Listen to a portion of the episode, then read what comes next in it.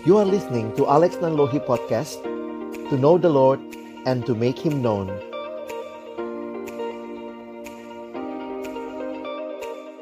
Syukur kita bisa ketemu lagi malam hari ini. Uh, Karena temanya ini tentang pasangan hidup Jadi hostnya itu harus selalu yang single ya. Jadi itu itu kayak aturan mainnya gitu. Kalau pasangan hidup hostnya yang sendiri narasumbernya yang berpasangan kayak gitu ya. Uh, biar biar ada uh, terwakilkan gitu ya. Yang yang nggak bisa satu layar berdua kayak gitu. Selamat malam teman-teman semua. Sungguh bersyukur boleh uh, menjalani aktivitas kita sampai saat ini. Nah seperti judul kita uh, merdeka pacaran uh, banyak banget hal-hal tentang relasi eh, nggak uh, habis-habis gitu ya. Terus bisa aja dikaitin sama semua event nasional gitu ya. Kemerdekaan merdeka pacaran sumpah pemuda sumpah pemuda pacaran hari pahlawan pahlawan cinta. Pokok tema begini tuh bisa banget digabungin sama acara nasional. Dan tentu nggak bosan-bosannya uh, kita mau berdiskusi dan sharing dengan uh, kondisi seperti ini Nah sebelumnya uh, aku ajak kita untuk berdoa terlebih dahulu yuk. Mari kita berdoa. Tuhan kami bersyukur untuk kebaikan dan kasih setia Tuhan dalam hidup kami.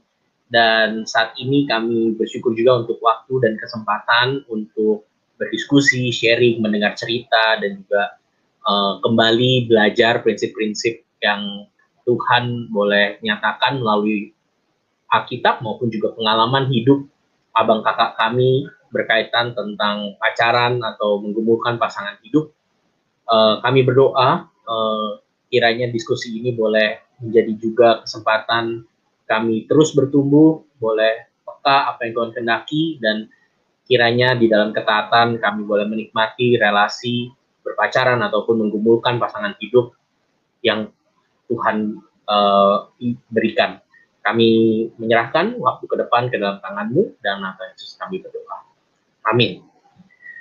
Nah, eh, hari ini kita berbicara tentang eh, merdeka pacaran seperti eh, tagline-nya. Maksudnya banyak banget yang mungkin jadi ikatan tawanan gitu ya atau masih terjajah dengan banyak perasaan, dengan banyak ketakutan atau kebingungan. Nah, malam hari ini kita juga bersyukur karena ada dua uh, pasang uh, abang kakak kita yang juga terkenal, mungkin teman-teman juga udah pernah dengar sharingnya dan hari ini bisa bergabung bersama dengan kita. Jadi mari kita sambut yang pertama ada Kak Oka dan Kak Avia dan yang kedua ada Kak Alex dan Kak Debi. Halo. Selamat malam kakak-kakak semua. Selamat malam, Ray. Malam, Ray. Ya, kita bersyukur buat kedatangan uh, kakak-kakak semua. Nah, kita mau kenalan dulu, tapi mungkin kenalannya karena dalam konteks pasangan hidup ya pacaran mungkin nggak usah kenalan pekerjaan di mana lah kayak gitu apa nggak sesuai topik gitu ya nah mau kenalan kakak-kakak ini uh, boleh sharing dikit udah berapa lama menikah dan mau tahu dong waktu itu first impressionnya ngelihat pasangan masing-masing tuh apa sih kayak gitu ya.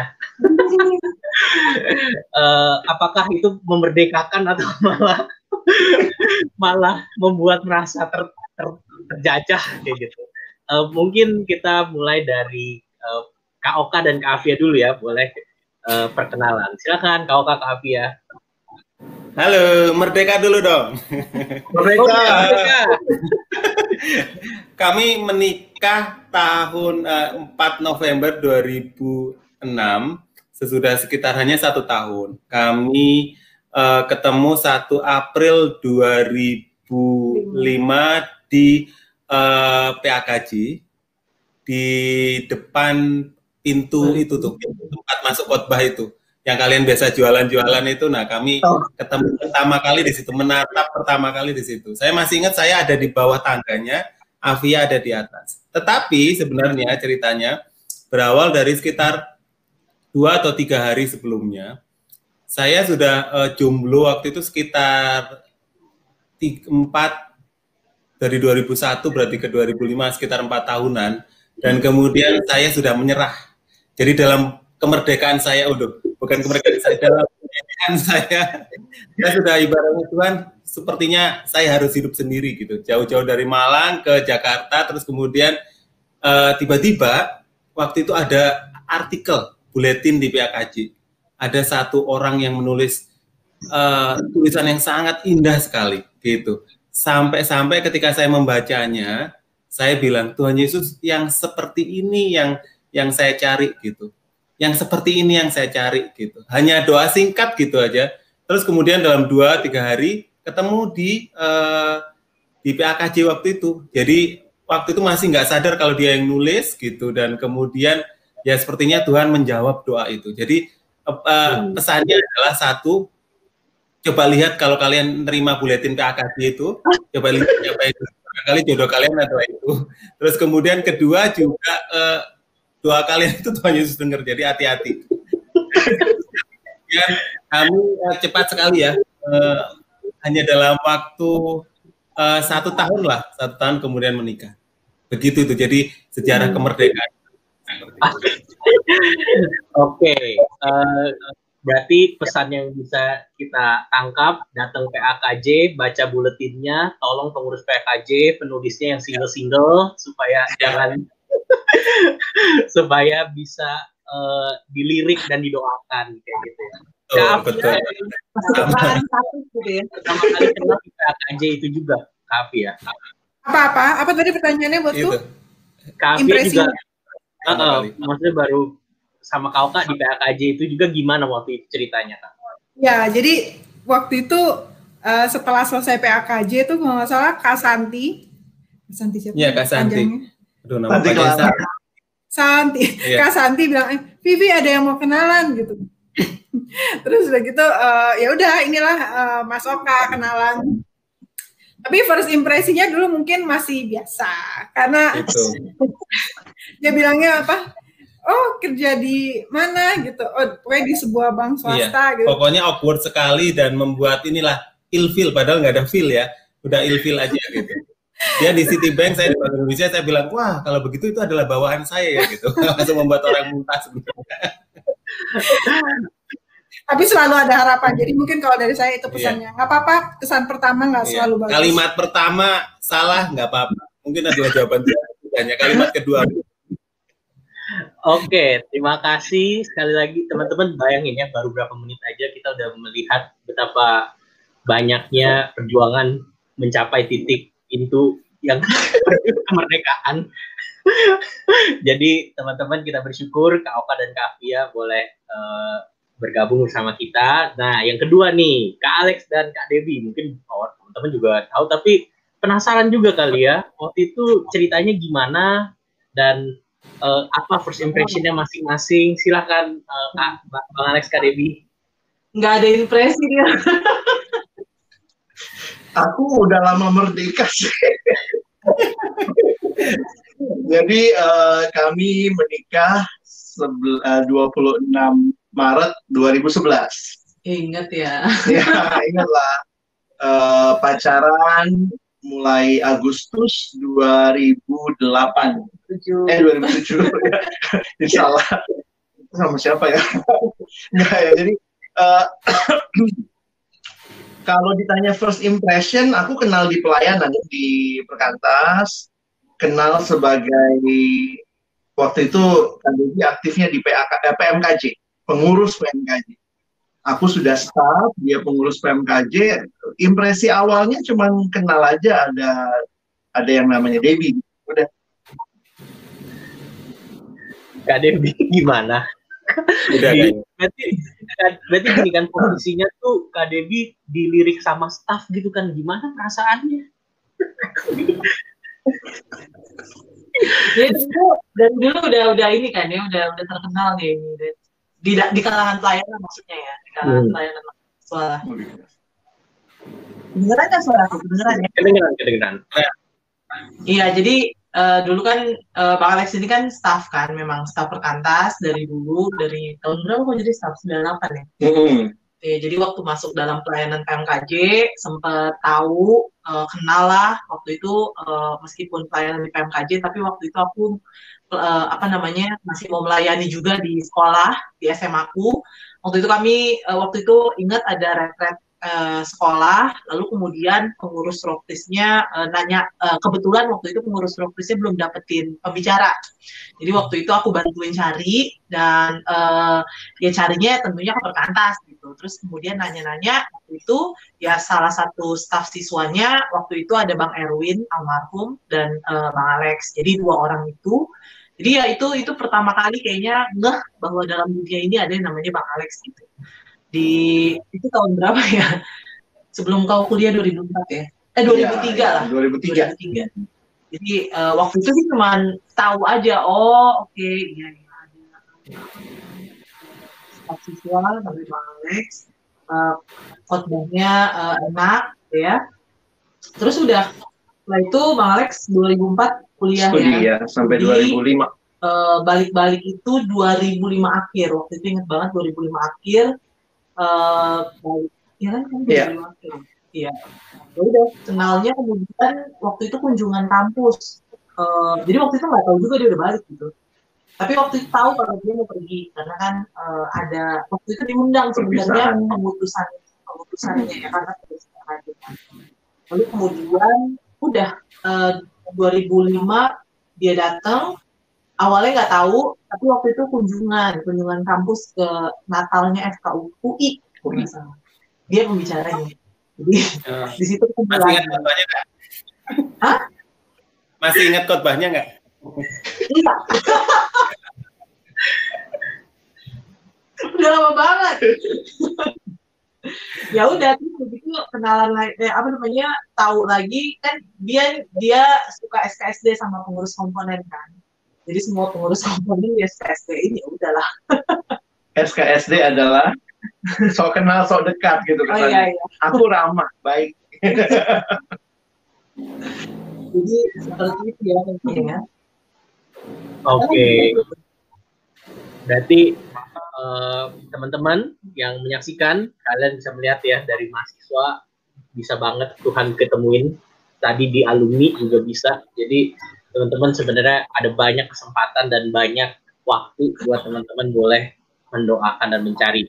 Uh, ada yang komen Gabriela Pasaribu baca buletin KKJ ya teman-teman ya itu semua mendukung eh, teman-teman uh, untuk boleh merdeka pacaran. Nah, aku mau mulai diskusi beberapa hal yang mungkin sering jadi uh, apa ya uh, ter, apa pertanyaan yang menekan atau bahkan buat jadi kayak males atau capek gitu ya. Yang selama mungkin masih single tuh banyak banget sering pertanyaan kok belum nikah? atau mana pacarmu? Kapan dibawa ke rumah? dan sebagainya kayak gitu. Nah eh, kakak-kakak pernah ngalamin hal seperti itu dan uh, sejauh pengalaman kakak apa yang kakak bisa bagikan gitu ya supaya kita juga nggak jadi orang yang terus occupied dengan pertanyaan itu walaupun memang kenyataannya kita masih sering terus ditanyain hal seperti itu. Uh, siapa mau duluan? Kak Oka Kavia punya pengalaman atau punya cerita? Silakan. Kalau saya kan ibaratnya ini ya susah susah laku, jadi mungkin jawaban itu akan sangat pas buat saya. Maksudnya susah laku ya kalau Afia kan oh, penggemarnya kan begitu banyak gitu. Kalau saya kalau malah kebalikan, loh punya pacar. Nah itu kebalikannya seperti itu. Jadi ditanya kapan pacaran, tapi loh kok punya gitu. Jadi uh, kalau saya mikirnya seperti ini sih, uh, Bang Ray. Uh, kalau kita lagi lari, terus kemudian kita fokusnya ke garis finish nih, sepertinya apa itu penonton itu kan menjadi kabur dalam artian uh, apa ya jadi nggak terhiraukan karena kita fokusnya ke sana. Mungkin saya ibaratnya waktu itu sudah menjumlahnya lama banget gitu sampai saya menyerah. Menyerah itu sebenarnya juga artinya sebenarnya orang di rumah mungkin juga bertanya terus kemudian mereka mungkin sudah pada tahap di mana mereka malas bertanya. Mungkin dari awalnya malu dan kemudian malas dan lain-lain. Jadi, jadi pasti ada pertanyaan. Tapi kemudian karena saya fokus fokus dalam artian pokoknya saya ngerti apa yang mau saya kerjakan dalam hidup saya.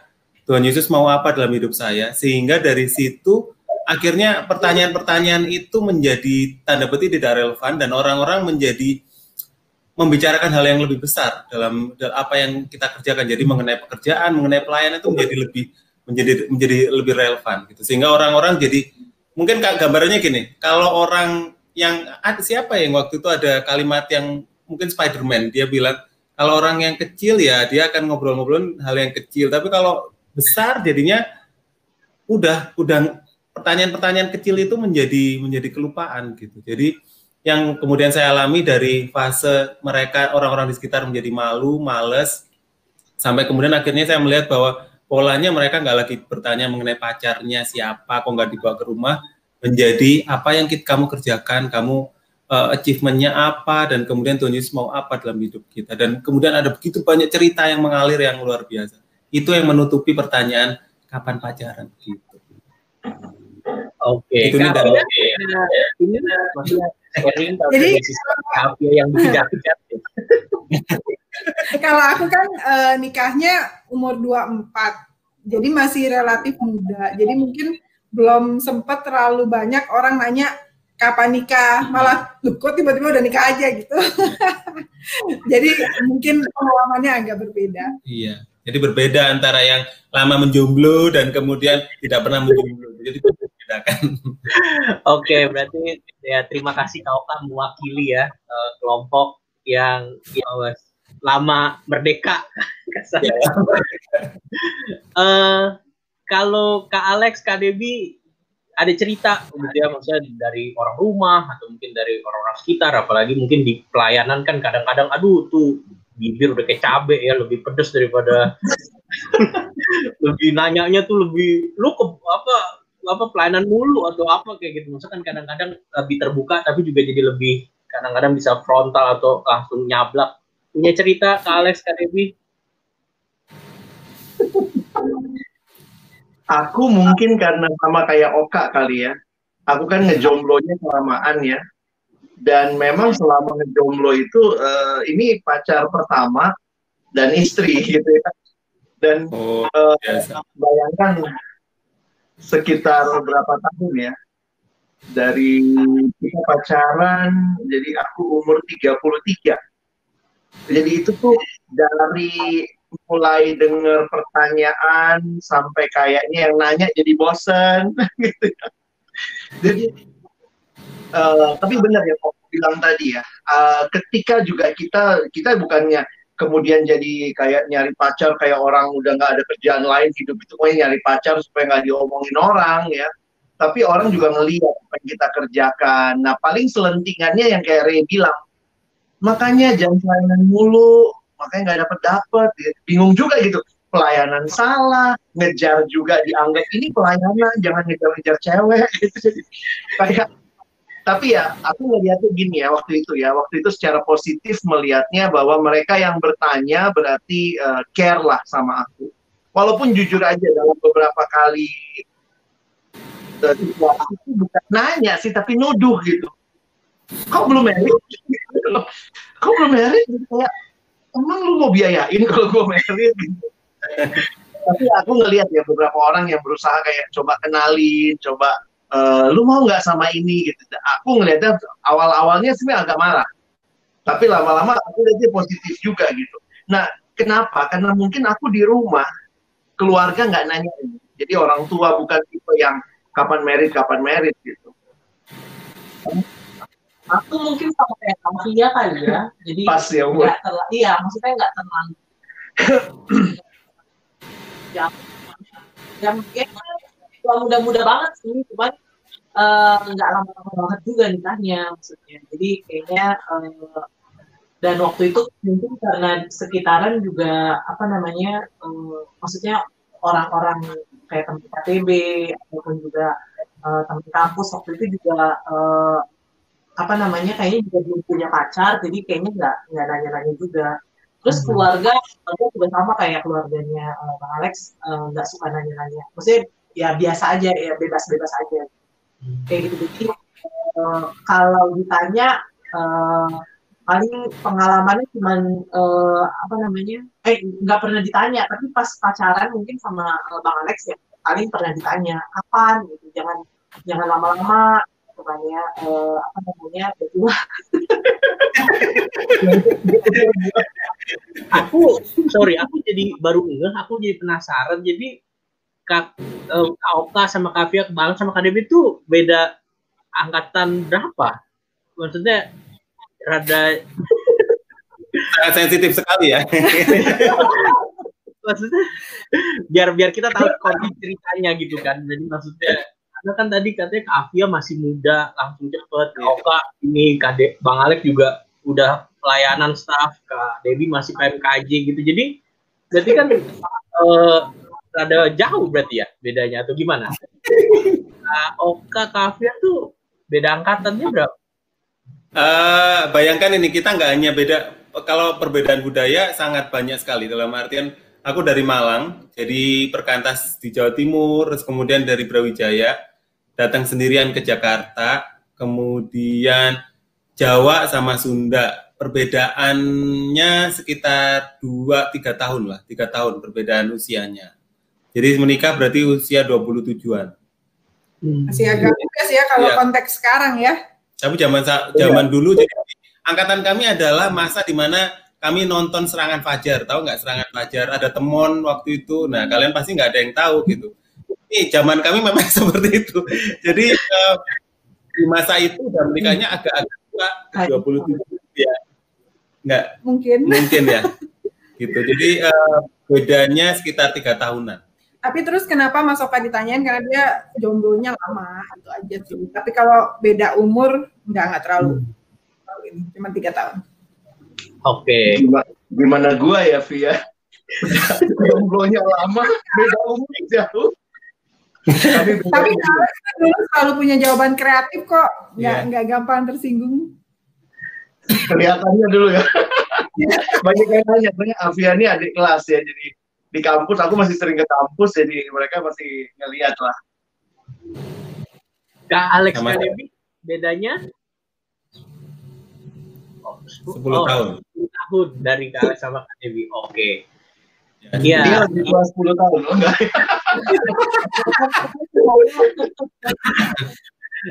Oke, jadi teman-teman uh, kalian bisa lihat gitu ya, ternyata uh, perbedaan umur, perbedaan budaya itu juga ada di pasangan-pasangan ini. Tapi kalau memang Tuhan memimpin dan Tuhan mempertemukan, ya, ya nyatanya sekarang mereka bisa sampai ada saat ini. Kupikir itu juga bagian dari rencana Tuhan. Nah, berkaitan tentang itu ya masalah perbedaan, uh, baik suku, latar belakang, bahkan uh, umur dan sebagainya. Nah, aku masuk ke pertanyaan kedua yang mungkin sering jadi pertanyaan. Uh, kebebasan atau kemerdekaan untuk memilih pasangan hidup atau masalah kriteria nih ini aduh ini percakapan yang uh, ya susah-susah gampang ya di satu sisi di kepala ada ideal pengen begini begini begini hampir sampai kayak mission impossible kesannya. Tapi uh, kenyataannya ternyata ada orang yang deket tapi ternyata mungkin nggak sesuai uh, kriteria dan sebagainya. Dari abang kakak maksudnya punya prinsip apa sih berkaitan tentang se, se kemerdekaan atau kebebasan untuk memilih pasangan hidup di satu sisi punya kriteria tapi satu sisi juga melihat hukum pemberian Tuhan ada prinsip apa yang sejauh ini kak abang kakak pegang kayak gitu ya uh, gantian boleh dari Kak Alex, Kak Devi mungkin ada prinsip-prinsip apa masing-masing yang uh, dipegang? Mungkin karena pengalaman itu cukup lama mencoba, ya lama itu juga kan tetap buka mata, buka hati. Serem banget. Waktu itu sempat, sempat ini sih, sempat punya kriteria lah dulu kalau bahas bab 10, bikin kriteria maunya yang begini, begini, begini. Eh kok lama nggak dapet ya? Jadi akhirnya aku aku akhirnya belajar ya bahwa ternyata waktu di narrow down narrow down apa sih yang paling prinsip? Aku nemuinnya cuma gitu. Uh, kriteria yang paling utama dia cinta Tuhan kedua dia cinta aku jadi eh, hal-hal yang lain bukannya nggak pengen ya tapi ternyata dalam perjalanan mencari atau mungkin juga melihat gitu ya. Akhirnya aku pikir iya ya itu buat gua yang paling penting. Nah, aku nggak tahu kalau Kak Dewi. Hmm, iya sama. Maksudnya di awal-awal juga pasti apa namanya memikirkan lah mungkin kalau aku bukan kriteria kali ya, tetapi kayak misalnya uh, ya namanya juga dulu kan masa-masa muda itu kan mikirin wah yang kayak gini nih kayaknya keren gitu ya, yang kayak gini tuh kayaknya oke okay nih kayak gitu. Kadang-kadang kan uh, masa-masa muda tuh cuma mikirin kerennya, tetapi nggak mikirin nanti uh, ke depannya seperti apa gitu ya. Lalu kemudian ya jadi pernah punya lah gitu ya. Uh, kalau bisa dibilang sih ya kalau aku sih nggak nggak mikirnya itu kriteria, tapi kayak eh, orang-orang tertentu kok kayaknya lebih uh, terlihat lebih oke okay lah ya. Seperti itu. Dan uh, tapi kemudian ke sini ke sini uh, belajar melihat sih bahwa memang uh, tapi memang dari dulu dari awal dari semenjak awal kenal Kristus lah ya mesti ikutin pelayanan mahasiswa karena memang mungkin uh, indoktrinasinya gitu ya carilah yang apa namanya cinta Tuhan gitu ya jadi waktu dari dari dulu memang selalu uh, berdoa dan mintanya sama Tuhan ya, maksudnya orang yang memang uh, memiliki uh, hati yang cinta Tuhan, lalu kemudian uh, apa namanya uh, ya pastinya terkait dengan kerohanian yang tampak ya dalam hidupnya.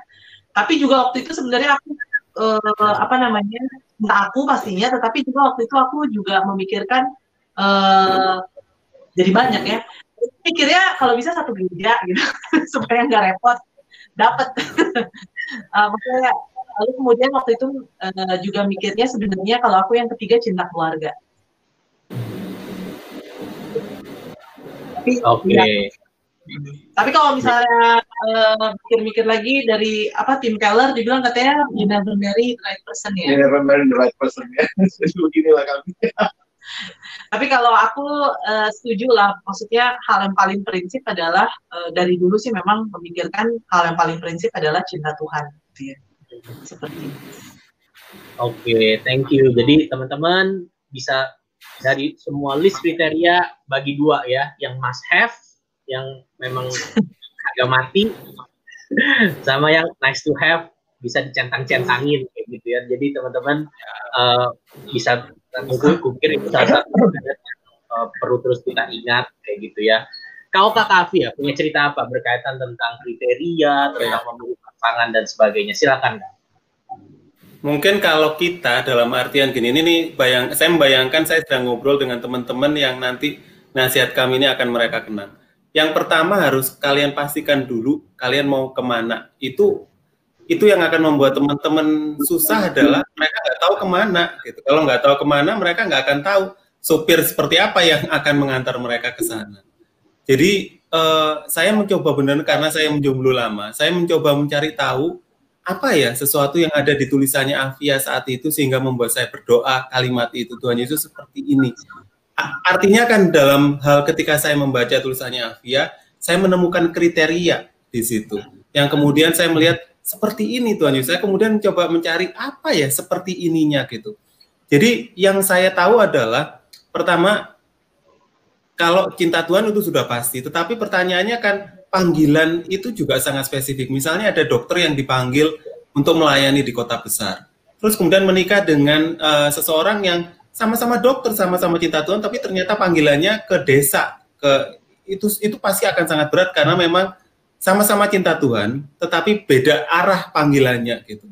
Nah, kalau yang saya kemudian saya turunkan adalah saya melihat bahwa pertama, sesudah kalian ngerti Tuhan Yesus mau apa dalam hidup kalian, kalian bayangkan bahwa rumah seperti apa yang mau kalian bangun untuk menjawab panggilan Tuhan Yesus itu. Nah, dari situ kemudian akan keluar nih kriteria-kriteria yang secara spesifik benar-benar mungkin nggak tertulis. Bahkan mungkin kita menuliskannya juga sangat susah, tetapi ketika ketemu orang yang tepat kalian akan langsung enak banget ya ngomongnya sama orang ini karena ya itu menyenangkan. Jadi mungkin kalau saya boleh narrow down uh, apa yang kata sepadan itu mungkin menjadi enak diajak ngomong, enak diajak bermimpi bareng, enak diajak berlari bareng dan sepadan itu menjadi satu paket di sana. Cinta Tuhannya tapi juga arahnya ke sana. Jadi bisnya Transjakartanya harus bis yang sama nih supaya benar-benar bisa nyambung dan segala macamnya. Jadi itu kali kriteria yang kalau aku di bisa nasihatkan ke teman-teman supaya uh, supaya langgeng gitu. Jadi aku kan uh, punya latar belakang itu memang dari uh, keluarga yang nggak utuh ya. Jadi ada sedikit perhatian khusus di area ini tuh dulu tuh karena mungkin waktu dulu motivasinya gimana ya supaya nggak keulang lagi gitu. Nah waktu itu kan juga masih hitungannya orang percaya baru. Jadi agak susah menerjemahkan cinta Tuhan itu jadi seperti apa rupanya gitu ya. Jadi kalau misalnya ditanya Afia yang dulu, itu pasti mungkin nggak bisa mendefinisikan tuh, nggak bisa mengartikulasikan mau yang seperti ini gitu ya.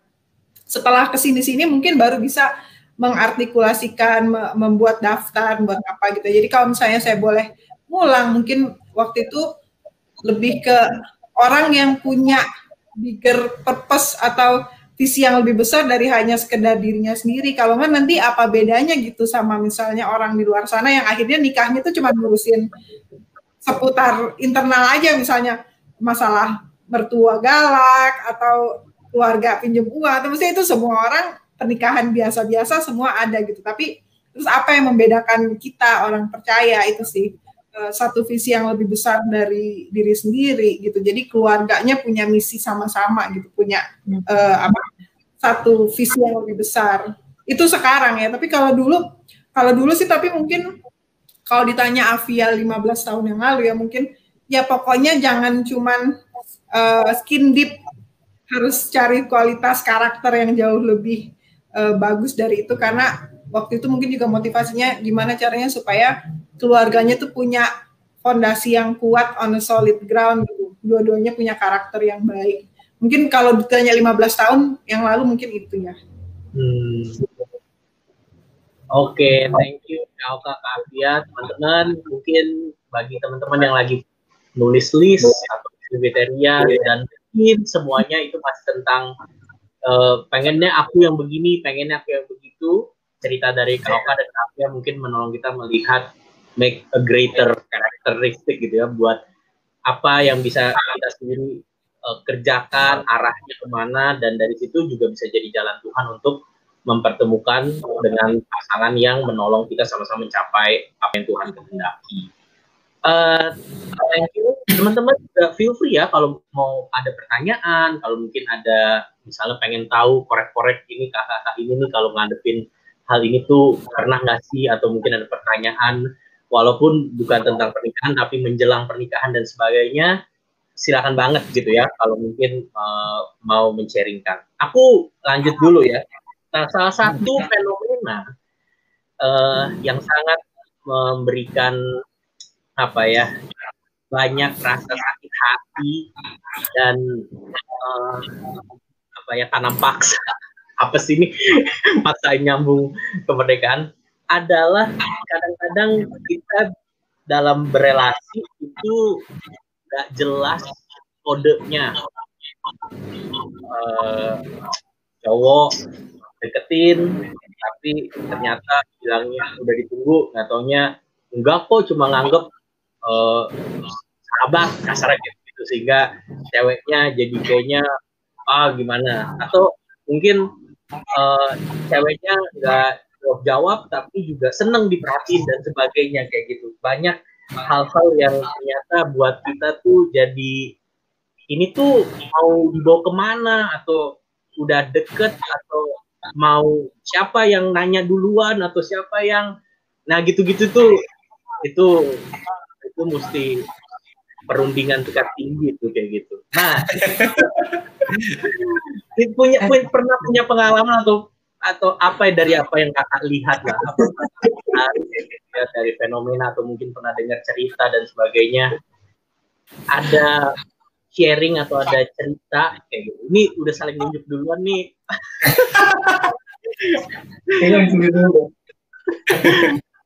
Uh, aku nggak tahu nih. Mungkin boleh cerita kali dari sisi cewek sisi cowok juga uh, prinsip apa yang dipegang gitu ya sebagai cowok sebagai eh, laki-laki sebagai perempuan kayak gitu supaya entah jadinya sama dia entah jadinya nggak sama dia tapi as a man and as a woman tuh kita bisa ini ya bisa apa gentle, bisa uh, lemah lembut, bisa uh, penuh dignity. Siapa duluan nih? Uh, gantian lagi Kak Oka, Kak Afia dari sisi cowok, sisi eh, perempuan. Ya. Kami kami kalau masalah cerita-cerita itu banyak banget sih, tapi kami mencoba merecall kembali ya. Mungkin beberapa prinsip ini adalah yang mungkin boleh saya coba rangkumkan. Saya ingat ingat ingat uh, beberapa saya recall ya. Uh, saya ingat waktu itu ada yang kami layani waktu saya masih mahasiswa, dia bilang benci banget sama cowok gitu. Tapi ternyata kalimat benci banget sama cowok itu ternyata karena dia mengalami kepahitan, luka yang begitu dalam gitu. Terus kemudian ada yang benar-benar uh, benci juga sama sama seseorang, padahal seseorangnya itu suka sama si si cewek ini, si adik ini. Tapi kemudian pada satu titik ya, waktu itu ada anak ini. Jadi di Brawijaya itu dulu ada uh, ini sekbernya, sekretarit bersamanya ada di atas gitu. Kemudian di bawah itu ada seorang anak dari kampung kemudian lari jatuh. Nah si abang ini yang dibenci sama si cewek itu uh, menolongnya, terus kemudian pakai sapu tangannya, terus kemudian dielap dan kemudian benar-benar dirawatnya. Itu beneran membuat jatuh cinta loh. Jadi kadang-kadang kita itu punya semacam apa ya kriteria-kriteria di dalam yang nggak pernah terungkapkan ya karena kita nggak terbiasa menuliskannya dan kemudian mencoba exercise apa yang sebenarnya kita cari. Mengalami begitu banyak, ada yang misalnya nih si cowok ini demikian ramah sehingga membuat orang jatuh cinta, tapi nggak jelas dia itu sukanya sama yang ini atau yang itu. Saya ngerti nih sebagai cowok ini benar-benar harus hati-hati karena, uh, aduh, apalagi kalau cowok-cowok yang tinggi gitu ya, tinggi dan kalau jalan udah sangat layak gitu itu akan membuat banyak banyak wanita-wanita itu sangat aduh aduh si abang itu benar seperti itu mengelus dari kalau saya sih jangan khawatir. Kalau saya malah siapa kamu? Gitu ya. Nah jadi, jadi saya bisa mengerti bahwa cowok-cowok ini apalagi kalau yang terlibat di pelayanan hati-hati kalau memberikan perhatian. Bahkan kadang-kadang memberi perhatian memberikan apa nganter ini itu bisa berbahaya banget sebenarnya. Jadi kalau benar-benar uh, mau mau dengan yang itu dan mengumpulkan udah jangan deket-deket. Karena kalau udah luka hati itu aduh benar-benar butuh butuh waktu yang lama gitu. Mungkin nasihatnya buat buat para cowok nih yang terutama yang terlibat di banyak pelayanan. Terus kemudian kalau yang saya lihat nih nah jadi yang boleh saya sarikan adalah paling enak itu memang uh, bersahabat yang lama. Dalam artian kenalan aja dengan banyak orang itu akan sangat membantu membuat kalian bisa ngerti orang itu cara marahnya gimana, caranya menyelesaikan masalah. Bahkan kalau perlu nih tanda petik seringlah cari konflik tanda petik ketika bersahabat, berteman gitu sehingga tahu oh gitu ya caranya menyelesaikan konflik karena itu yang akan skill-skill yang akan sangat membantu sih. Jadi itu mungkin beberapa cerita yang nggak tahu nyambung nggak dengan pertanyaannya tapi terlintas gitu aja dalam uh, yang boleh saya ceritakan gitu. Mungkin tambahan kalau dari yang kalau tadi kan laki-laki mesti hati-hati. Nah, yang perempuannya juga mungkin jangan gampang PR juga. Mungkin karena kan laki-laki di persekutuan itu kan mungkin baik-baik ya diajarkan untuk sopan atau apa gitu. Saya ingat tuh dulu mama saya kan ada kakak yang misalnya antar ke rumah itu tapi kan saya tahu ya itu kan cuma di persekutuan itu sesuatu yang biasa karena itu bagian dari pelayanan perhatian Candy suka sama kamu gitu. Saya bilang, enggak. Jadi maksudnya uh, apa? Uh, yaitu dari sisi laki-lakinya mesti hati-hati, yang perempuannya juga uh, nggak usah terlalu gampang melihat itu sebagai suatu bentuk perhatian. Itu jadi maksudnya gimana ya? Seimbang, seimbang iya, aja. gitu. Oke, okay, thank you Kak Oka dan Kak Fia, cowok-cowok yang ganteng secara khusus, hati-hati. Tapi yang jadi jahat ya yang ganteng dong ya semua cowok lah ya mas yang kurang yang kurang ganteng ya, ya nggak ya juga hati-hati juga kan dan teman-teman yang perempuan juga bagaimana memposisikan diri uh, untuk bisa nggak terlalu gr atau mencoba cross check lah ya minimal apa yang terjadi dan dilakukan. Kak Alex Kademi punya pendapat dari sisi cowok sisi cewek? Ya, aku waktu waktu mahasiswa ada yang pernah bilang waktu aku mahasiswa ada yang pernah bilang gini. Jadi cewek itu kalau cowok belum bilang nggak usah melayan. Oh. nggak usah nggak usah dianggap gitu kebaikan-kebaikannya maksudnya ya udah emang dia baik aja gitu jadi nggak usah nggak usah ngerasa kegeeran kalau dia belum ada pernyataan apa-apa keluar dari mulutnya cuman kayak dia baik nganterin ini nganterin ke sana ngasih ini ngasih itu itu itu kalau dia cowoknya belum ngomong apa-apa nggak usah dianggap gitu ya ya udah ya emang dia baik aja gitu. Jadi jangan jangan dimasukin dalam hati kayak gitu. Kalau misalnya udah terlanjur kebakaran aku nggak tahu juga sih nih ya ini uh, saran yang tepat atau enggak ya. Tapi kalau aku ini menurutku ya kalau emang udah terlalu ngebuat baper nggak ada salahnya mungkin menanyakan dalam artian bukan nembak ya tapi uh, kamu baik sama aku uh, maksudnya apa? Ya atau bertanya relasi kita tuh sebenarnya temenan atau lebih dari teman ya. bukan nembak ya tapi nanya karena uh, tapi kalau misalnya memang udah uh, terlalu uh, karena mungkin ada juga cowok-cowok yang uh, tanda kutip ya pengecut nggak nggak berani untuk menyatakan ya. jadi cuma kitanya tuh uh, apa menunjukkan perbuatan baik tapi susah gitu ngomong ya. Jadi ya mungkin uh, ada masanya di mana ya ceweknya yang mungkin tanya aja gitu kalau emang udah kebaperan banget seperti itu. Banyak nabur benih ini hati bukan ladang. Oke, uh, itu udah banyak banget ya. Ya, teman-teman yang perempuan jangan nganggap apa-apa kebaikan cowok itu tanpa kalau dia bilang itu fana, itu bukan ladang, jadi jangan naburin terus. Uh, Bang Alex, ada pengalaman atau prinsip apa, Bang? Se secara umum sih sama ya, bahwa uh, kalau saya menempatkan membingkainya begini, jangan membangun kedekatan yang seperti itu relasi lawan jenis selayaknya atau seperti pacaran tanpa komitmen. Jadi sebaiknya kalau tidak ada komitmen jangan menumbuhkan rasa karena itu bakal sakit gitu, cenderung menyakiti. Kecuali memang ada yang saya nggak apa-apa kok. Jadi buat pria-pria beberapa kali dalam pelayanan saya ketemu yang ngerasa aku tuh nggak ada apa-apa bang sama dia, aku cuma baik aja sama dia.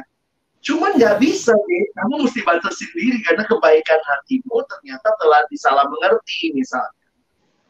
Dan kalau perempuan tuh selalu gitu ya, datangnya bukan selalu, hampir selalu datang dengan pertanyaan itu bagaimana bang? Dia dia sebenarnya suka nggak sama saya?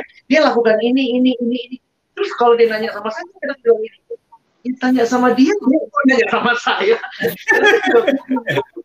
Jadi memang perempuan sangat membutuhkan kepastian.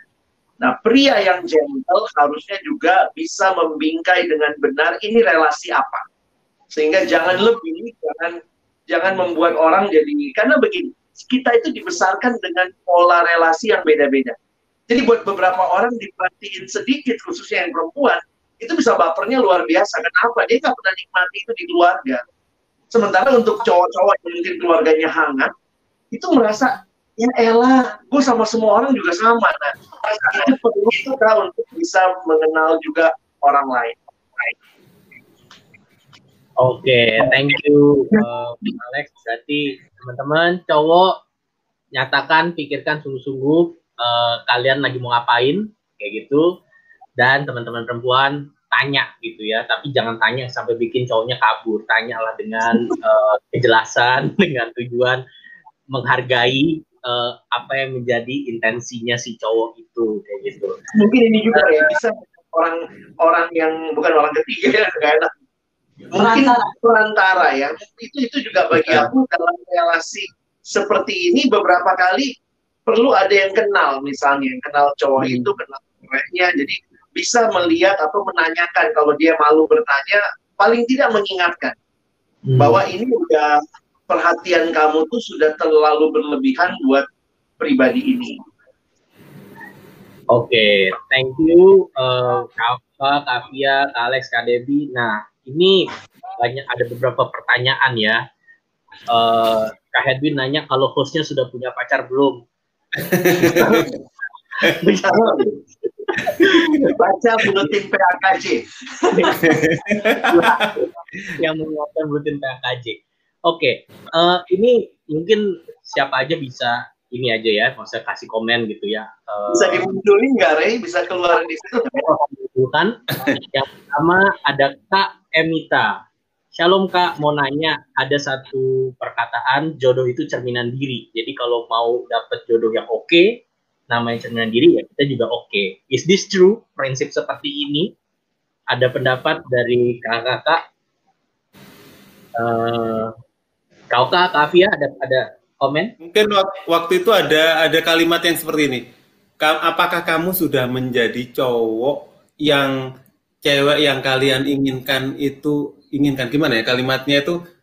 Tapi yang satu hal sih memang gini kita harus menjadi pribadi yang oke okay, regardless kita mau dapet cowok atau pasangan yang oke okay. pokoknya kita harus jadi oke okay, memang bukan karena supaya dapat uh, eh, pasangan yang oke okay juga. Itu prinsip yang lebih besar dari itu. Kedua saya bisa nangkep esensi dari pertanyaan itu bahwa memang di beberapa titik ada ada benernya dalam artian orang yang baik.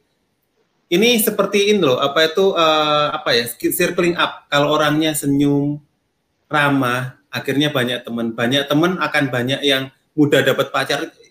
Seperti circling ke up up gitu. Tapi kalau yang ibaratnya murung pemarah menjadi circling down karena nggak punya teman dan lain-lain jadi susah dan lain-lain jadi aku melihatnya sih prinsipnya sih seperti itu. Ada ada tambahan atau? Iya, aku juga pernah uh, dengar perumpamaan seperti ini.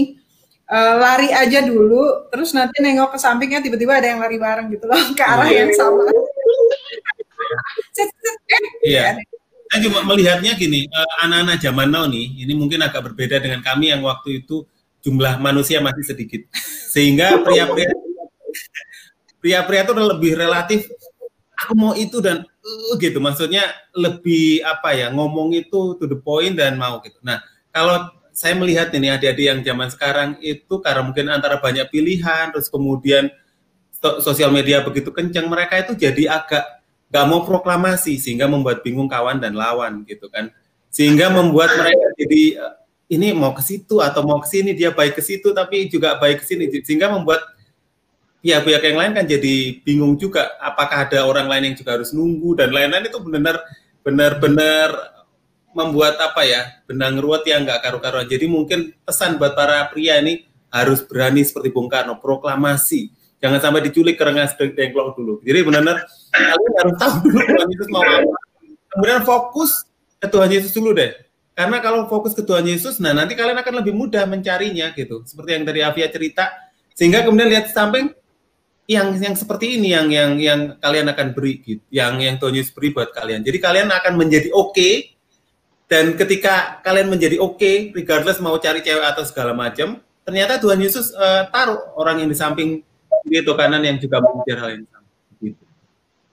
Oke, okay, thank you. Semoga Kak Emita menjawab. Jadi uh, is this true? Mungkin partly true, tapi bagaimana kita sendiri secara individu terus bertumbuh menjadi the best version Tuhan kendaki dan nanti kan Tuhan bisa pertemukan atau Tuhan bisa uh, jumpakan dengan memang pasangan yang menolong dan uh, menjadi pasangan hidup kita. Uh, pertanyaan berikutnya ini mungkin aku gabungan kali ya. Yang pertama ini ada Kak Providencia. Saya nggak tahu nama namanya bener enggak ya Kak Providencia. Ini pertanyaan klasik dari Tuhan Yesus kali ya uh, gimana caranya tahu kalau dia adalah jodoh dari Tuhan. Nah, aku gabungkan sama mungkin pertanyaan dari Kak Simeon nih. Ketika berpacaran itu ada proses perkenalan lebih dalam. Nah, sejauh apa hal-hal yang perlu ditoleransi dan hal-hal yang perlu diubah? Mungkin kalau aku simpulkan begini kali ya pertanyaannya kakak-kakak. Sejauh mana keyakinan e, berpacaran ini orangnya, tapi kalau memang sejauh mana kalau nggak tepat dan memang harus lebih baik putus kayak gitu. Maksudnya lebih baik ya nggak melanjutkan kalau memang udah tahu itu nggak tepat. Nah maksudnya gimana pertimbangan uh, mengetahui pasangan dari Tuhan bahkan sampai kalaupun harus memutuskan ya memang bukan apa bukan orang yang tepat kayak gitu. Uh, ada cerita mungkin dari gantian ke Alex. KDB ada ada prinsip atau ada hal yang mau dibagikan?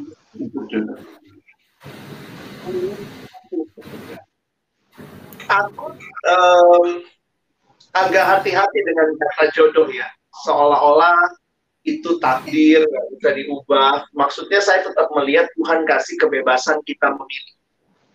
Ya, uh, apa waktu itu Kak Dewi bilang Adam doang yang nggak punya. Oh, Adam doang yang nggak nggak ada ada tulisan sih dari satu buku dibilang katanya Adam doang yang uh, apa namanya punya kebebasan untuk nggak pilih pasangan hidup. Tidak punya kebebasan. Bukan.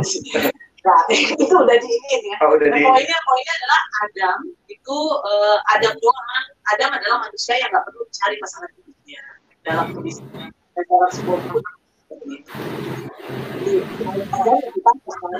pasangan hidup kita iya. ya. Dan maksudnya kita masuk dalam masa yang tadi Karenanya apa kriteria dan segala macam uh, gimana ya kalau aku lihat ini siapa yang tutup ya? Kamu tutup? Uh, mungkin nggak apa-apa Bang Alex sama Kak Debi ngomongnya rada kenceng aja kali ya jadi suara oh, Oke. Okay. Iya. Ya, jadi kalau aku melihatnya uh, proses pacaran itu yang harus jelas tujuannya. Bahwa ini di tempat dalam kerangka ini pernikahan sehingga kita tidak hanya pacaran sebagai just having fun, ngisi kesepian begitu ya. Jadi poinnya adalah waktu kita membingkai tujuannya jelas, maka prosesnya juga nanti akan jelas. Maksudnya uh, termasuk di situ misalnya begini, ada proses pengenalan. Nah dalam proses pengenalan itu kan kita akan lihat nih bagian mana yang ternyata dia bisa berubah atau dia perlu diubah dan bagi kita sendiri juga mana yang harusnya uh, kita upayakan dalam pertumbuhan kita sama-sama going through itu ya. Kamu ada tambahan nggak ya? Kalau aku sih mungkin pikirnya kadang-kadang uh, ya memang kita sudah sangat juga dipengaruhi ya sama drama-drama dan juga sinetron-sinetron gitu. Jadi kayaknya harus uh, apa namanya uh, orang uh, dia adalah orang yang tepat gitu. Kan ya biasanya kayak gitu. Nah tapi kalau aku justru melihat bahwa um, kalau kalau kayak uh, drama ataupun juga uh, uh, apa kisah-kisah kisah uh, princess yang happily ever after gitu ya. Ternyata mikirnya tuh uh, kehidupan kita nggak seperti itu dalam artian uh, pernikahan itu bukan kalau dalam dongeng-dongeng uh, biasanya uh, si pangeran dan juga si putri menikah dan di situlah happy ever afternya gitu. Jadi pernikahan tuh kayaknya happy ever afternya.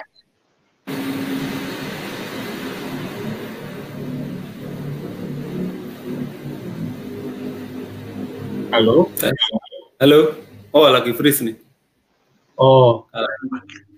Kayaknya. Sorry bentar. Sudah bisa lagi? Oke. Okay. Udah. Udah udah. Bang Alex. Eh, ini nge-freeze lagi ya? Iya. Oke, mungkin uh, Sorry, dari... masalah sinyal. Iya, oh, Jakarta Barat, Jakarta Barat. Jadi uh, poinnya adalah uh, cari pasangan itu kalau bisa ya sama-sama bertumbuh gitu ya, untuk bersama-sama uh, uh, Tuhan. Jadi kalau misalnya bilang uh, sa Bali ingat yang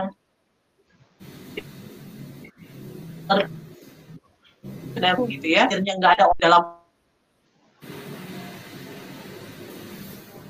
uh, Kak Debi, Bang Alex kayaknya ini deh signalnya jelek apa? Iya. Nggak freeze. Aku remote dulu deh. Uh, Oke, okay. mungkin kita lanjutin dulu sama Kak Oka sama Kavia ya. Maksudnya uh, Kak Oka sama Kavia ngelihatnya gimana berkaitan tentang mengetahui jodoh dari Tuhan atau sejauh mana dipertahankan kalau memang sikapnya ada yang bisa ditoleransi, ada yang perlu diubah. Ada prinsip atau ada pengalaman Kak Oka dan Kak Afia silakan. Tadi dari yang uh, Kak Alex itu bagus banget sih. Jadi pertama adalah tujuannya. Kalau kalian naik bis nih, petunjuk pertama bahwa kalian berada di jalan yang benar ya step setiap stepnya akan akan uh, akan mendekati semakin dekat dengan tujuan kalian. Kalau kelihatan kalian naik bis dan kelihatan kok jalannya malah lebih jauh ya atau muter, itu berarti tanda pertama. Ini saya ngomong, ngomong dalam artian gini, saya ngerti uh, teman-teman sekarang itu banyak yang tanda petik seperti latih gitu ya, seperti banyak yang dalam toxic relationship, tetapi mereka nggak sadar bahwa ini aku nggak mau melepas karena uh, ini cinta pertama atau segala macam gitu. Sampai kadang-kadang melukai banyak hal. Tapi petunjuknya dari uh, tadi yang prinsipnya yang diungkapkan ke Alex sangat bagus sekali. Ingat pertama kali bahwa kita melakukannya ini semua adalah untuk Tuhan Yesus. Jadi lihat itu apakah uh, ketika kalian sudah semakin dekat sama Tuhan Yesus, semakin melayani giat bareng dan lain itu mungkin tanda yang positif. Tapi kalau misalnya melihat kok semakin jauh ya sama Tuhan Yesus, kok aku malah terseret pada uh, hal-hal yang lain yang benar-benar bukan sepertinya maunya Tuhan Yesus itu adalah tanda-tanda yang kalian mikir yang teman-teman harus berpikir bahwa sepertinya kok bukan dia yang Tuhan Yesus taruh dalam hidupku. Itu prinsip yang satu, kemudian kedua jadi ada beberapa skill yang mungkin teman-teman ini harus kuasai uh, sehingga benar-benar kalian tahu bahwa dia ini orang yang tepat atau enggak. Mungkin yang paling sederhana ya 1 Korintus 13 lah kasih itu seperti apa itu benar-benar kalian harus benar-benar jujur. Ini pasanganku atau uh, pacarku ini kok gini ya, nggak bisa mengasihi, nggak bisa seperti ini. Ngomongnya hanya di depan aja uh, mengasihi Tuhan Yesus, tapi ternyata seperti ini. Jadi itu adalah tanda-tanda mungkin yang kalian harus taruh red alert bahwa sepertinya kok bukan dia ya Tuhan Yesus seperti itu. Kak Alex, silakan lagi Kak Alex. Aku lanjutin ya. Poin itu tuh sebenarnya poinnya sih sebenarnya Eh, kadang-kadang uh, kita pengennya cari yang tepat, tapi kita lupa bahwa seharusnya yang kita cari itu orang yang sama-sama mau bertumbuh di dalam iman, sama-sama mau jadi berkat, sama-sama mau memuliakan Tuhan. Yang mungkin seperti juga tadi uh, Kak Oka bilang gitu ya. Apakah dia mendekatkan saya kepada Tuhan, ataukah justru dalam relasi malah justru menjauhkan gitu uh, kita jadi kalau aku mungkin uh, fokuslah bukan mencari orang yang tepat, tetapi cari orang yang apakah dia membawa saya uh, bersama-sama dengan dia bertumbuh, apakah dia membawa saya bersama-sama dengan dia semakin cinta Tuhan ataukah enggak?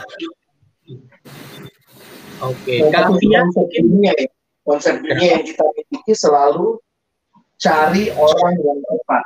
Nah itu yang mesti kita hati-hati Hmm, jadi teman-teman pastikan mengerti maksudnya cari orang yang tepat bukan berarti langsung full package sempurna tapi tepat dalam arti menolong kita semua baik dia baik saya bertumbuh semakin belajar dari kelebihan dan kekurangan dan semakin uh, mengenal Tuhan tentunya ya. Kak Afia mungkin ada tambahan dari Kak Ova. Uh, Kak Afia mungkin ada respon? Um, cuma nambahin aja kalau karena bidang saya pendidikan, saya mau nambahin prinsip backward design. Biasanya kalau di pendidikan itu kan kalau bi bikin kurikulum itu backward design, mulainya selalu dari goal. Tadi jadi hanya nambahin aja sih. Mulai dari goal, lalu semua itu turunannya. Oke, okay. terima kasih. Itu aja. Oh ya. Uh, ini masih ada beberapa pertanyaan lagi nih ya. Kita kita mau apa kita cepat aja gitu ya. Ada Kak uh, J Hastio. Uh, gimana kalau bisa di saat ini uh, kita mengumpulkan pasangan hidup, tapi kita sendiri juga masih bergumul untuk panggilan spesifik ya gitu ya. Mungkin dari tadi diceritakan gambar besarnya seperti apa. Nah, apakah uh, konfirmasi dari Tuhan dia bukan kehendak dari Tuhan atau maksudnya apakah ini belum tepat saatnya berpacaran dan sebagainya di saat kita sendiri masih bergumul untuk panggilan apakah bisa uh, sekaligus mengumumkan pasangan atau seperti apa nih dari uh, pengalaman kakak semua. Uh, kalau Kak Kavia mungkin boleh respon nih untuk pertanyaan ini. Kalau saat oh, ini jelas. Pertanyaan yang berat nih. Ini mungkin gini, saya coba agak main filosofikal dikit ya. Ini filosofikalnya seperti ini semua orang itu punya Tuhan dan bahkan kadang-kadang Tuhannya itu adalah dirinya sendiri. Ini untuk menjawab teman-teman yang kadang-kadang ateis gitu yang bilang bahwa uh, Tuhannya ini dan itu. Mungkin kalau yang saya boleh sederhanakan dari kalimat ini, jangan-jangan kalau ada orang bilang gini, cewek tersebut belum punya panggilan spesifik. Kata belum punya itu kan jadi agak agak-agak abstrak dalam artian misalnya bayangkan misalnya saya punya panggilan misalnya saya mau menuju ke Kelapa Gading, mau cari makanan yang haram di sana. Nah, Avia bilang terserah gitu kan. Kata terserah itu kan memang paling kalimat yang paling susah di seluruh dunia buat para pria ini. Kata terserah itu artinya mau atau nggak mau gitu. Nah, sekarang saya cuma katakan, kalau dia ngomong terserah, itu sebenarnya dia nggak mau tapi nggak tahu cara ngomongnya gitu. Jadi kata saya belum punya panggilan, tapi aku udah ngomong bahwa saya mau ke Kelapa Gading loh. Saya belum panggilan. Maksudnya saya belum tahu mau ke mana. Jadi sebenarnya dia sedang ngomong kok saya kok bukan ke Kelapa Gading ya. Gitu. Jadi kalimat itu itu sebenarnya adalah tanda pertama bahwa kata belum punya panggilan. Ya kalau belum punya harusnya keputusannya kan ada dua, mau ke Kelapa Gading atau kamu mau ke mana gitu sehingga aku bisa ikut aku yang mau ikut kamu atau kamu yang ikut aku. Sepertinya kok kalau yang dari banyak pengalaman yang kami uh, kami temui adalah kalimat belum punya panggilan itu sebenarnya adalah panggilanku berbeda tapi aku nggak tahu cara ngomongnya seperti apa atau aku bahkan belum tahu caranya yang penting nggak kelapa gading gitu jadi uh, dari situ jadi pertanyaan lagi. Nah sekarang uh, pertanyaan ini untuk yang keduanya. Apakah itu jadi konfirmasi dari Tuhan? Kalau dia bukan kehendak Tuhan bisa jadi. Bisa jadi ya bisa jadi enggak. Dalam artian bisa jadi enggaknya seperti ini. Mungkin uh, dia itu cuma nggak tahu mau makan apa ketika kita cerita kelapa gading. Bayangkan ini beda suku kan, beda Jawa sama Sunda gitu. Kelapa gading, emang apa gitu? Ketika kalian mau ceritakan, saya mau mencari makanan yang paling haram di atau gini, seafood yang ada di kelapa gading. Nah, baru dia akan ngomong, oh kalau kalau seafood aku mau gitu. Jadi dia cuma simply nggak tahu bahwa yang kita kejar itu uh, seafood gitu. Dia ngertinya kelapa gading apa. Jadi bisa jadi ya, bisa jadi enggak. Dalam artian bisa jadi enggaknya itu mungkin kalau kita belum jelas menceritakan panggilan hidupnya seperti apa, sehingga dia agak menolak, dia agak reluctant.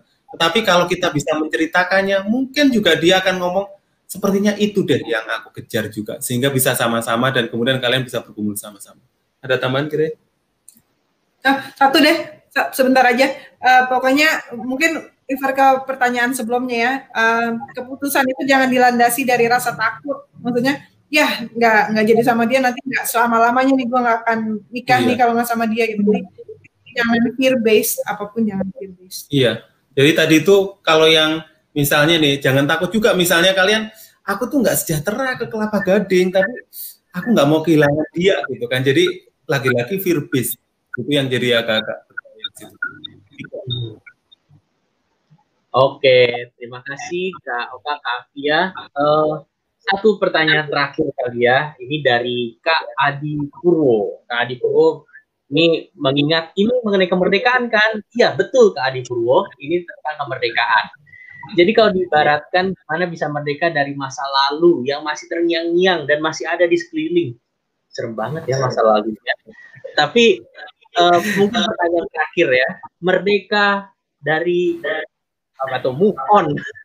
Merdeka dari nggak dari sesuatu yang membuat kita nggak bisa move on. Ini mungkin jadi diskusi kita terakhir.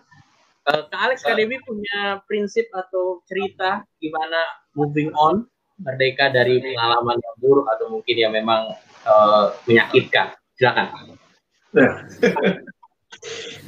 Saya lebih mengkritisi sebenarnya slogan-slogan yang ditawarkan seolah-olah kita bisa tetap memiliki rasa memupuk rasa tanpa harus memiliki kan katanya cinta nggak harus memiliki itu bagi saya tuh membuat orang jadi tidak logis berpikir atau bahkan tidak berusaha untuk keluar dari situasi yang misalnya ya kalau emang sudah ditolak misalnya ya ya udah nah sebenarnya kalau John Stott mengatakan terhadap masa lalu kemerdekaan terhadap masa lalu itu semua kan dalam Kristus ya dia membahas kemerdekaan dari masa lalu, masa kini, dan masa depan.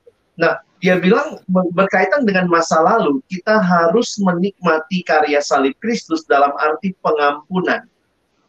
Jadi, mungkin secara sederhana ya berdamai dengan situasi itu. Pasti ya kecewa mungkin kalau pernah ditolak, tidak direspon atau apa. Tapi ya kita mengampuni, kita mengatakan dengan jujur bahwa Tuhan saya sudah melewati itu, Tuhan pulihkan, mengampuni saya, saya pun belajar mengampuni situasi itu. Jadi bagi saya sebenarnya konsep untuk move on itu ya paling dalam kalau kita mengerti cintanya Tuhan yang sudah memerdekakan kita dari belenggu-belenggu termasuk belenggu masa lalu yang seolah-olah kita nggak bisa di situ terus gitu. Jadi tapi gue sayang banget sama dia kadang-kadang saya pikir ya Tuhan tuh jauh lebih sayang sama kamu gitu ya. Jadi poinnya kadang-kadang menolong dia untuk melihat lebih luas kepada apa yang jadi benar-benar dalam Tuhan itu ada kemerdekaan, saya nikmatinya itu sih. Hmm. Uh, aku pikirnya move on itu selalu diidentikan dengan melupakan. Padahal mungkin kita nggak bisa lupa. Tapi sebenarnya uh, meskipun kita nggak bisa lupa, tetapi berarti yang harus dilakukan adalah ingat ya ingat tapi juga hadapin ya jadi apa yang uh, kenapa ya waktu itu uh, saya uh, sama dia relasinya nggak berjalan? Kenapa ya uh, waktu itu akhirnya uh, saya dan dia uh, harus uh, break up ya? Kenapa ya dia menyakiti hati saya? Jadi ingat tapi uh, ingat itu bukan untuk uh, ingat itu yang memang mungkin akan membuat kita sakit tapi itu membuat kita bisa uh, menghadapi ingatan-ingatan itu. Jadi hadapin, ingat dan hadapin, ya. Lalu kemudian juga mungkin uh, hal yang uh, apa namanya menarik adalah uh, buatlah kenangan baru. Jadi jangan jangan, jangan terus menerus menging, uh, jangan biarkan ingatan-ingatan masa lalu itu yang uh, apa ya, menguasai kita, tapi mari buat ingatan-ingatan yang baru, kenangan-kenangan yang baru. Itu kali. Oke, okay, thank you Kak Alex, Kak Devi. Kau Kak Kofi, Kak Afia ada statement atau opini terakhir untuk tentang moving on atau merdeka dari masa lalu?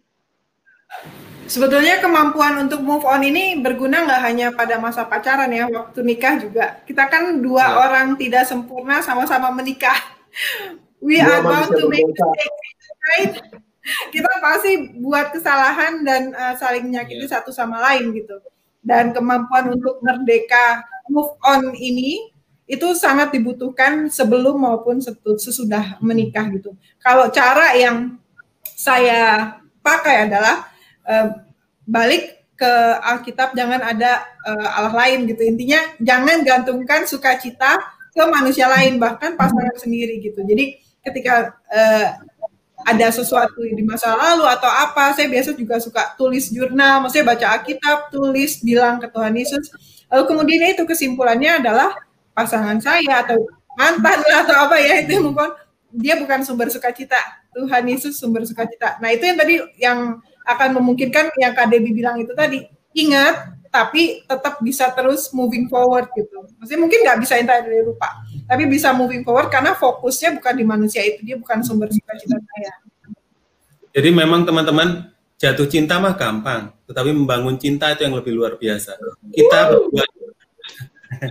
Jadi jangan dibayangkan bahwa wah itu baik-baik saja ya. Enggak teman-teman, akan banyak namanya sama-sama manusia itu saling melukai itu sudah uh, sudah sudah wajib dalam artian apa ya? Sudah pasti karena kita manusia yang jatuh dalam dosa. Jadi kemampuan untuk minta maaf duluan kemampuan mendengarkan kemampuan sayang aku minta maaf ya gitu. Aku minta maaf itu adalah suatu hal yang akan kalian pakai di mana pun nggak hanya di pacaran. Jadi praktekkan mulai sekarang mendengarkan dengan baik uh, apa yang pasangan kalian sebenarnya inginkan gitu. Dan kemudian uh, belajar belajar minta maaf dengan tulus dan mengubah. Jadi bayangkan bahwa pacaran atau nanti pasangan hidup itu adalah orang yang Tuhan sediakan di samping kita untuk menjadi cermin kita, melihat yang nggak kita kelihatan. Sehingga yang dulunya kita merasa baik-baik aja, baru deh pasangan bisa ngomong bahwa salah dan kita akan menjadi berubah karena itu dalam artian oh kita harus berubah. Jadi makanya tadi teman-teman cari orang yang nggak hanya cinta Tuhan dalam artian aku ke gereja, tetapi itu yaitu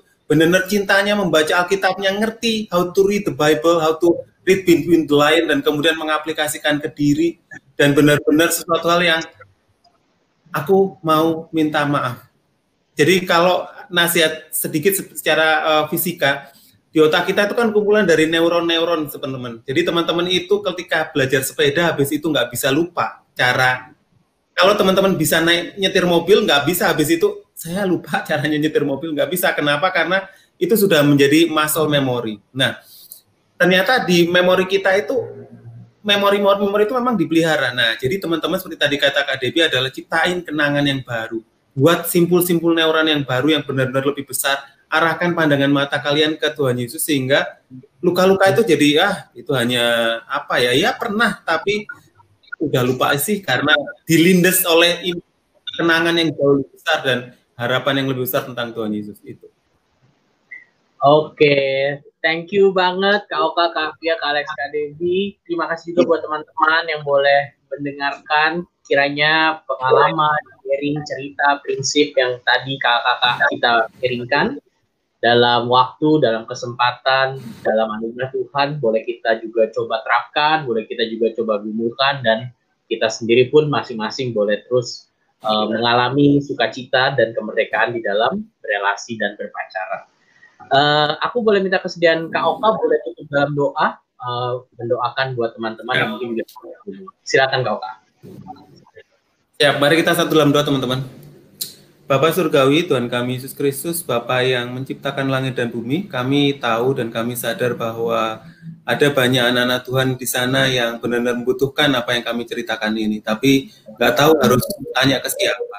Teman Bapak Tuhan Yesus, tolong kami sehingga uh, kami boleh menjadi mentor buat adik-adik kami ini. Tuhan Yesus, terima kasih banyak untuk kesempatan ini. Kiranya apa yang boleh kami ceritakan boleh menjawab kegundahan mereka sehingga boleh menjadi jawaban Tuhan Yesus juga buat mereka. Tuhan Yesus secara khusus kami mengerti bahwa adik-adik kami ini banyak yang mengalami luka hati, mengalami kesulitan dan segala macam. Susah juga mencari pasangan hidup dan bingung. Tuhan Yesus, tolong ingatkan kami semua bahwa lebih dari itu adalah Tuhan Yesus yang mengasihi kami. Tuhan Tuhan Yesus yang begitu sayang dan Tuhan Yesus ingin uh, membuat kami menggantungkan diri pada Tuhan Yesus sehingga menjadi jauh lebih baik. Tuhan Yesus, kiranya Tuhan Yesus menolong kami semua dalam hal itu. Terima kasih Bapak untuk kesempatan kami boleh sharing dan cerita banyak hal ini. Hanya dalam satu nama Tuhan kami Yesus Kristus kami telah berdoa dan mengucap syukur. Amin. Oke, terima kasih sekali lagi buat teman-teman, juga terima kasih buat kau kakak Iya, Kak Alex Kak Debbie. Kita jumpa lagi minggu depan di waktu yang sama. Sampai jumpa. Bye. Bye. Bye.